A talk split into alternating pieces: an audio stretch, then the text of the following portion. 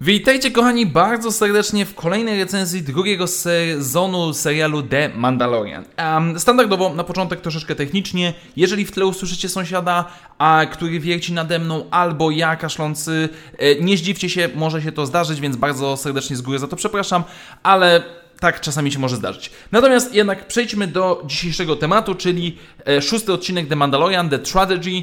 Um, I miałem na początku odnieść się nieco bardziej do komentarzy, czy, czy do mm, Waszych reakcji na moje reakcje co do drugiego sezonu, ale stwierdziłem, że dzisiaj się nie będziemy tym zajmować. Mamy przewidziany cały live stream um, 19 grudnia, czyli dzień po premierze ostatniego odcinka, więc stwierdziłem, dobra, wtedy się na tym skupimy. Dzisiaj przechodzimy stricte do odcinka. Ostrzegam lojalnie, może być nieco dłużej, tak jak było powiedzmy ostatnio. I zacznijmy od wersji bezspoilerowej, a dla osób, które jeszcze nie oglądały, generalnie rzecz ujmując, nie jest to absolutnie szałowo, super rewelacyjny czy gigantyczny przełom, ale jest, jest w tym odcinku kilka elementów, um, które z jednej strony są gigantycznym um, fanserwisem, z drugiej jednak strony w jakiś sposób na tyle działają, że dla mnie stwierdzam pocałościowo, że odcinek jest ok. Jest jak najbardziej w porządku, chociaż są a, przynajmniej jedna duża, potężna wada, ale o tym za chwilę będziemy mówić więcej spoilerowo. Tak więc jak ktoś jeszcze nie oglądał, to przerwijcie sobie, najwyżej wróćcie później. Ale teraz przejdźmy do tego, co się działo. Ehm, I muszę zacząć od pierwszej sceny, ponieważ pierwsza scena w pigułce w pewien sposób um, pokazuje mi to, czego no, oczekiwałbym po tym serialu i co sprawia mi gigantyczną przyjemność, ponieważ mamy teoretycznie scenę jak każdą inną, że znów w naszym kokpicie siedzi Mando, Baby Yoda się bawi kuleczką, ale cała różnica w tej scenie przede wszystkim polega na tym, że tutaj Mando ma emocje. Moment, kiedy on mówi, patrzy na Baby Yoda i mówi Grogu i kiedy Grogu reaguje, zaczyna się śmiać z tego. Słuchajcie, ja nie wiem, może, może coś tutaj wyolbrzymiam, ale to jest chyba pierwszy raz, jak Mando w całym serialu się śmieje. Gdzie mamy te jego momenty, gdzie widać poprzez dialogi, poprzez sposób grania um, ciałem, głosem, widzimy, że on trochę czuje się przerastany przez to wszystko, że ta cała moc, to odsyłanie i tak dalej, z jednej strony jest prze, przerastające, z drugiej strony, może już tutaj na to interpretuję, ale wyczuwam taką nutkę tęsknoty, że no ja cię będę musiał oddać, Jedi i, i this is the way, ale no gdzieś tam to się wszystko mm, jakby ukrywa. I, I, dla mnie to jest najważniejsze, nie, nie to, że jest najważniejsze, przepraszam, dla mnie to jest, to jest to, że główny bohater nie jest tylko i wyłącznie mm, środkiem do tego, żeby iść pchać fabułę do przodu, tylko w nim się coś dzieje. On w jakiś sposób odczuwa emocje, w jakiś sposób na niego wpływa to wszystko, co się dzieje. Potem, kiedy już młody ląduje na Typhon e, i siada sobie na tej kulce i zaczyna powiedzmy medytować, czy nawet przed medytacją, widzimy jak Mando on się czuje nieswojo, bo to jest coś, czego nie zna. To nie, jest Manda to nie są Mandalorianie, to nie jest wojna, to nie jest powiedzmy bycie łowcą nagród, to jest coś tajemniczego, niesamowitego i tak dalej w czym on się nie odnajduje, tak? Kiedy po raz trzeci i kolejny próbuje wyciągnąć tego Baby Yoda z tej bańki i po raz kolejny mu się nie udaje i, i, widać, że on się trochę w tym mota i to jest fajne. To jest to, co mi się podobało w pierwszym sezonie i momentami w tym sezonie też, gdzie Mando jest człowiekiem, gdzie Mando coś przeżywa, coś odczuwa i tak dalej, a nie jest po prostu badasem w zbroi, który chodzi i naparza i tyle. Naprawdę coś, to, to jest fajne, to mi się naprawdę strasznie podoba. Brakowało mi tego pod koniec odcinka, trochę większych jego emocji związanych z tym, że no zniszczyli mi statek, um, że, zniszczy, że zabrali Baby Yoda, no nie wiem, jakiegoś uderzenia pięścią w drzewo, w ziemię, coś takiego, ale dobra, niech będzie. Natomiast póki jeszcze jesteśmy um, przy dobrym aktorstwie, e, totalnie jestem zachwycony jedną, jedyną sceną, no, dłuższą powiedzmy, czy jakąś większą, e, Mofa Gideona, czyli Giancarlo Esposito, czytam teraz z, z e, IMDb i wybaczcie, jeżeli źle to wymawiam, um, który w jednej scenie, gdzie Baby Yoda już rzuca szturmowcami po ścianach i tak dalej, jest rewelacyjny. On po prostu tak cudownie gra tego złola, że momentalnie stwierdzam, ja chcę więcej Gideona, ja chcę więcej tego cholernego psychopaty, bo on jest świetny, naprawdę. Ta jedna scena mnie tak niesamowicie kupiła. Znaczy, już wcześniej byłem kupiony do jego postaci, ale tutaj to po prostu było takie wow, super, nabijanie się z tego Baby Jody, jakby wywyższanie się. Naprawdę, naprawdę super. Ale o Gideonie jeszcze pod koniec sobie porozmawiamy. Natomiast przejdźmy do głównej kwestii tego odcinka, czyli Powraca nam Boba Fett. Um, I, powiem, i nie, nie, będę, nie będzie żadną nowością, jeżeli powiem już teraz, że no nie byłem zwolennikiem powrotu Boba Fetta. Jego pojawienie się e, w pierwszym odcinku tego sezonu było największą wadą tego odcinka, który był super dla mnie. Ale na szczęście przyszły osoby, szczęście, nieszczęście, przyszły osoby, które w komentarzach czy w dyskusjach internetowych zaczęły ze mną rozmawiać, przedstawiać, że no nie do końca to jest tak, że ten Boba jest bez sensu i tak dalej, i tak dalej. I generalnie stwierdziłem, że dobra, rzeczywiście Mando jest mm, przestrzenią, postacią, serialem, e, do której można podłączyć Bobę i to jakoś tam powiedzmy się razem kompiluje, razem jakoś działa, no bo Mando jeden, Mando drugi, okay, dobra, wszystko jest fajnie. Więc stwierdziłem, dobra, nie, nie, może być, okay, spoko. Ale w momencie, kiedy zobaczyłem pierwszy raz, znaczy w tym odcinku, kiedy leci ten Slave 1, no to byłem taki, o Jezus, no nie. No, no bo to jest, nie mówię tego złośliwie, to jest fanservice. To jest to, czym najwyraźniej ma być The Mandalorian, um, czyli po prostu przestrzenią do przywracania w jeden czy w drugi sposób mniej lub bardziej znanych postaci, które albo gdzieś tam niby zginęły, albo na chwilę mają przerwę. E, I generalnie ja nie jestem po prostu zwolennikiem przywracania do życia starych bohaterów, ja wolałbym jakichś nowych, rozbudowanych itd., tak itd. Tak Ale im bardziej szliśmy w odcinek, im bardziej szło to do przodu, główna rzecz, jaka rzuciła mi się w oczy, to jest fakt tego, że Boba ma jakąś osobowość. E, żebyśmy się e, tutaj zrozumieli dobrze. W obecnym kanonie Boba Fetta, e, Boba Fett był bardzo jednowymiarowy, on po prostu był złym kolesiem. I nie mówię tutaj o filmach, bo no, w filmach był bardzo, może nie bardzo epizodyczną, ale no mocno drugoplanową postacią. We wszystkich praktycznie źródłach, nie ma ich dużo, ale głównym źródłem, które na razie mamy, to jest Star Wars Bounty Hunters, e, czy seria komiksowa Star Wars, gdzie on się tam na chwilę pojawiał, żeby e, robić jakieś zlecenia dla Dartha Vadera. On był niesamowicie jednowymiarowy. On po prostu był Bounty Hunterem, który nie miał żadnych skrupułów i, i już. Natomiast tutaj w tym odcinku Um, po pierwsze jest człowiekiem, jest stary, jest zmęczony, nadal umie kopnąć, walnąć, strzelić i tak dalej, ale no mimo wszystko czuć to. Czy widać, że już jest troszeczkę podstarzały, przez co na przykład jego brzuszek pod zbroją, który swoją drogą jest naprawdę spoko. Um, ale on tutaj jest tym Mando. Nie jest psychopatą. On, on rzeczywiście ma jakiś taki. No ma coś tego więcej, tak? Um, jest w jakiś sposób rozbudowany. Jest potwierdzone to, że on jest Mandalorianinem, tak samo jak nasz Mando, bo Django Fett był fundlingiem i tak dalej, i tak dalej. Ale sam Boba jakoś podoba mi się tutaj, bo on ma jakiś ten honor, ma jakieś te zasady współdziałania. Um, Okej, okay, takie była umowa, więc takiej umowy się trzymamy i tak dalej, i tak dalej. I jest to jakiś promyk nadziei. Mimo tego, że nadal no uważam, że no nie, nie, nie musiałby być, w ogóle mu nie musiało go być w tym serialu, czy nawet w tym odcinku, ale fakt tego, że zostaje spiknięty, nazwijmy, e, muszę sobie znaleźć tylko tą postać na szybko, Svenek Shant, czyli aktorka, postać grana przez Ming Na Wen, Um, jest tutaj jakiś potencjał, jest tutaj, żeby rozbudować te postacie. Na razie ich było bardzo niewiele, szczególnie oczywiście Boba Fetta, ale mimo wszystko jakoś akceptuję. Znaczy, nie, nadal będę to uważał, nie jestem jakimś hiperzwolennikiem i w ogóle mogłoby go nie być, ale jeżeli już tak powrócił w takiej konfiguracji, dobra, niech będzie. Okej, okay, jest, to, jest to w porządku, nie będę tutaj się jakoś bardzo nad tym roz, roz, rozrzedzał, że tak powiem. E, co do brzuszka, e, o którym mówiłem już wcześniej, niektóre osoby stwierdzały, że ej, ale czemu on tak wygląda i tak dalej.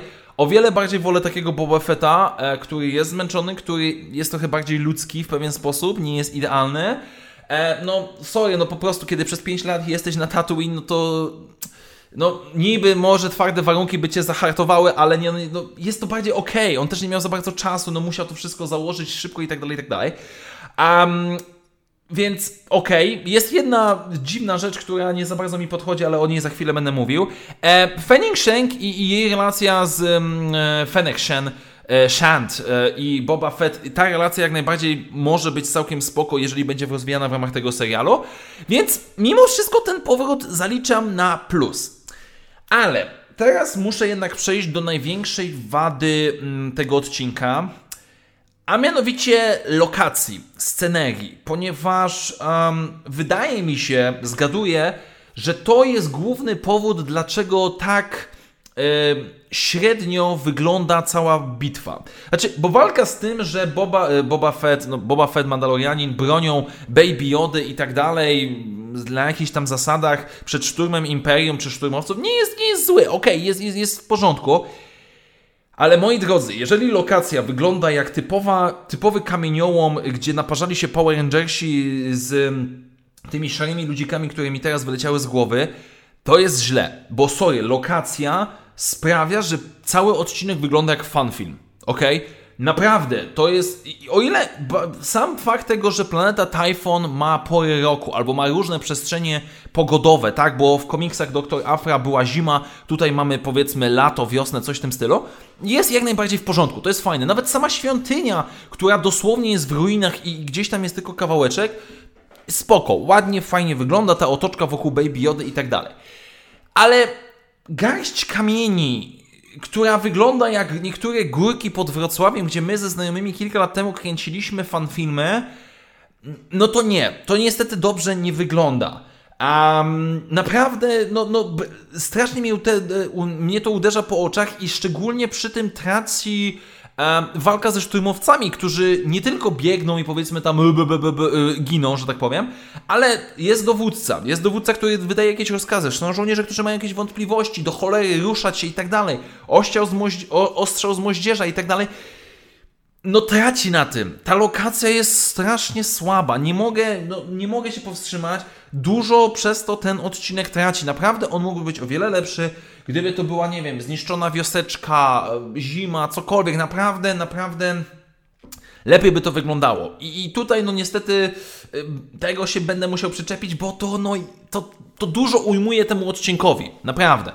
Um, mogłyby być tutaj głupotki logiczne, fabularne, które też są widoczne. I tutaj muszę przejść do dwóch rzeczy. Y, pierwsza rzecz, która strasznie mi się rzuciła w oczy, bo nie wiem, może ja już obniżam swoje oczekiwania względem całego tego serialu um, i, i po prostu już przymykam oko na niektóre głupoty, ale nie wiem, może ktoś mi wytłumaczy w komentarzach, dlaczego w momencie, kiedy Boba i Mando mówią, dobra, okej, okay, spoko, odkładamy nasze bronie, odkładamy jetpacki, a, znaczy ty odkładasz jetpack um, i zaczynamy gadać. W momencie, kiedy oboje dochodzą do wniosku, że o, idzie Imperium, trzeba chronić młodego, dawaj, bierzemy sprzęt i idziemy, czemu Mando zostawia swój jetpack pod kamyczkiem? Gdyby go miał, o wiele lepiej by to wyglądało, o wiele szybciej by się poruszał i tak dalej. To jest strasznie, strasznie mnie to kuło w oczy. E, z drugiej strony natomiast y, nadal jestem zastan zastanawiam mnie, dlaczego Boba Fett 5 e, lat siedział na Tatooine i nie potrafił zdobyć z powrotem um, swojej zbroi. Znaczy się, okej, okay, on umie się naparzać, co widzimy w tym odcinku, i raczej dużym problemem dla niego nie byłoby pokonanie um, szeryfa z pierwszego odcinka, żeby zabrać mu tą zbroję. Więc no, Mam tutaj jakiś taki trochę problem, bo to trochę mi się nie pasuje czasowo. Ale główna rzecz, jaka w tym odcinku nie wypala, to jest niestety lokacja. To jest um, miejsce, które po prostu nie do końca się zgrywa i, i, i tyle. No po prostu wygląda słabo. No nie mogę tego ukryć. Wiele lepiej by ten odcinek wyglądał, gdyby rzeczywiście było, ale nawet mimo tego muszę stwierdzić, że jest całkiem w porządku. No i teraz Przejdźmy może do tej ostatniej części, na którą na dzisiaj przewidziałem, czyli spekulacje na przyszłość, to co dostajemy w finale i jak to wszystko idzie. Ponieważ nasz Boba, nasz Mandalorianin, dobra, okej, okay, zabrali mi baby dzieciaka, muszę wrócić po baby dzieciaka i tyle. Um, I tu jest kwestia tego typu, że on pod koniec mówi do, Dune, do Kary Dune, weź mi pomóż odbić z więzienia tego Mainfielda z poprzedniego sezonu, bo on mnie naprowadzi na Gideona. Czemu Boba, e, czemu Mando nie poprosi o pomoc Kary jako przedstawicielki Nowej Republiki? Czemu Nowa Republika mu nie pomóc? Ej, słuchajcie, no tam lata sobie taki koleś, który generalnie ma wielkie metalowe roboty yy, i który generalnie no, jest imperium. Czy, czy, może coś z tym zrobimy? No jest to bezpośrednie zagrożenie, więc nie wiem, może ci dwóch pilotów X-Wingów się pojawi w finale sezonu, zobaczymy jak to będzie wyglądało. Więc w następnym odcinku E, odbijamy więźnia z więzienia, zakładam, a żeby naprowadził nas na, um, na Mofa Gideona. Dobra, okej, okay, po prostu ten typ prawdopodobnie wie, um, więc zobaczymy. Co jeszcze jest zastanawiające pod względem finału, no to to, że Baby Yoda naładował sobie moc, rozdał sobie punkty doświadczenia w drzewku na Typhon. I co z tego wynika? Znaczy się, okej, okay, niby ma więcej tej mocy, chociaż nie wiemy do końca, bo moim zdaniem on w tym więzieniu po prostu działa instynktownie i dlatego tak rzuca tymi szturmowcami. No bo Asoka powiedziała, że wezwie jakiegoś Jedi i Jedi pewnie przybędzie. No ja naprawdę mam nadzieję, że nie będzie tego Jedi. Znaczy, na pewno nie chcę Luka Skywalkera, bo jeżeli pojawi się jeszcze Luke Skywalker, to już będzie... Uff, naprawdę fanservice po całości. Jeżeli będzie Asoka, to będzie bez sensu względem tego, co ona wcześniej powiedziała. Jeżeli pojawi się Asoka z Ezrą, to już w ogóle będzie coś niesamowicie strasznego dla mnie. Cal Kestus nie, bo to by nam zepsuło drugą część Jedi Fallen Order. Więc naprawdę tutaj jestem zaintrygowany. Mam nadzieję, że twórcy pójdą drogą, że nie, Baby Yoda odchodzi w stronę zachodzącego słońca, sam sobie teraz poradzi i tyle. Natomiast na sam koniec Moff Gideon i Dark Troopers. E, czyli teraz ostatecznie mamy potwierdzenie, że to są Dark Troopersi, e, między innymi e, z Jedi Knight, serii gier Jedi Knight, jak, a nie Shadow Trooperzy, tak jak z gry Jedi Outcast. To, znaczy Jedi Outcast też jest Jedi Knightem, ale okej. Okay. Czyli mamy roboty. Mamy roboty bojowe, droidy bojowe, imperialne, które są nieco zmieniony design względem tego, co było w starym kanonie. I wyglądają ładnie, dużo ich nie widzieliśmy, przypominają Ironmany. Okej, okay, jest, jest w porządku. Um, chociaż bardziej bym chyba wolał tych Shadow Trooperów, czyli bierzemy moc po to, żeby e, zrobić pseudo Jedi imperialnych, coś w tym stylu to bardziej by jakoś by mi podeszło niż Dark Trooperze, ale okej, okay, tutaj nie narzekam. Natomiast sam Mow Gideon. No bo jeżeli Gideon nie zbiera mocy, mm, czy też milichlorianów, czy też krwi Baby Jody dla swoich żołnierzy, tylko dla siebie samego, czy on chce zostać drugim Vaderem? Mam nadzieję, że nie. Mam nadzieję, że Gideon po pierwsze nie jest sługusem Palpatina. W ogóle ja bym, tak jak niektórzy mówią w internecie, w ogóle Palpatina bym z tego wszystkiego wykreślił. Palpatin siedzi na egzegolu i próbuje się odrodzić. W ogóle tego nie łączyć ze Snowkiem. Niech Gideon jakimś cudem, koleś, zdobył jakieś zasoby cenne, niecenne i ma jakąś manię wielkości. No tylko to prowadzi nas do tego, że on chce sam zostać, na, nie wiem, nauczyć się używać mocy czy coś w tym stylu. A jeżeli rzeczywiście tak jest, no to to byłoby słabe, dla swoich żołnierzy nie. Niech to będzie już ten warlord, niech to już będzie pojedynczy wataszka imperialny, który po prostu chce zrobić sobie coś fajnego, imperialnego i tyle.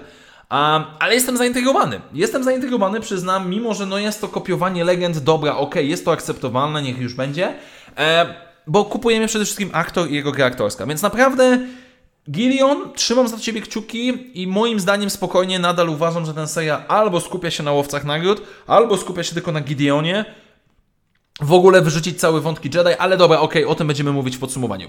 Kończąc dzisiejszy materiał, który już prawie dobija do 20 minut, jest ok. Znaczy ten odcinek jest lepszy, bawi mnie. Mimo, że lokacja no niestety nie dopisała, można było to zrobić lepiej, ale mimo wszystko jest tu kilka tych elementów, o których wspominałem, które przekonują mnie, które dają mi jakąś radochę i które sprawiają, że bardziej mi się lepiej to ogląda niż na przykład ostatni, poprzedni odcinek. Tak więc dziękuję Wam bardzo serdecznie moi drodzy. Do usłyszenia w następnych materiałach. Standardowo zapraszam do komentarzy i jak zawsze niech moc będzie z Wami. Na razie, cześć!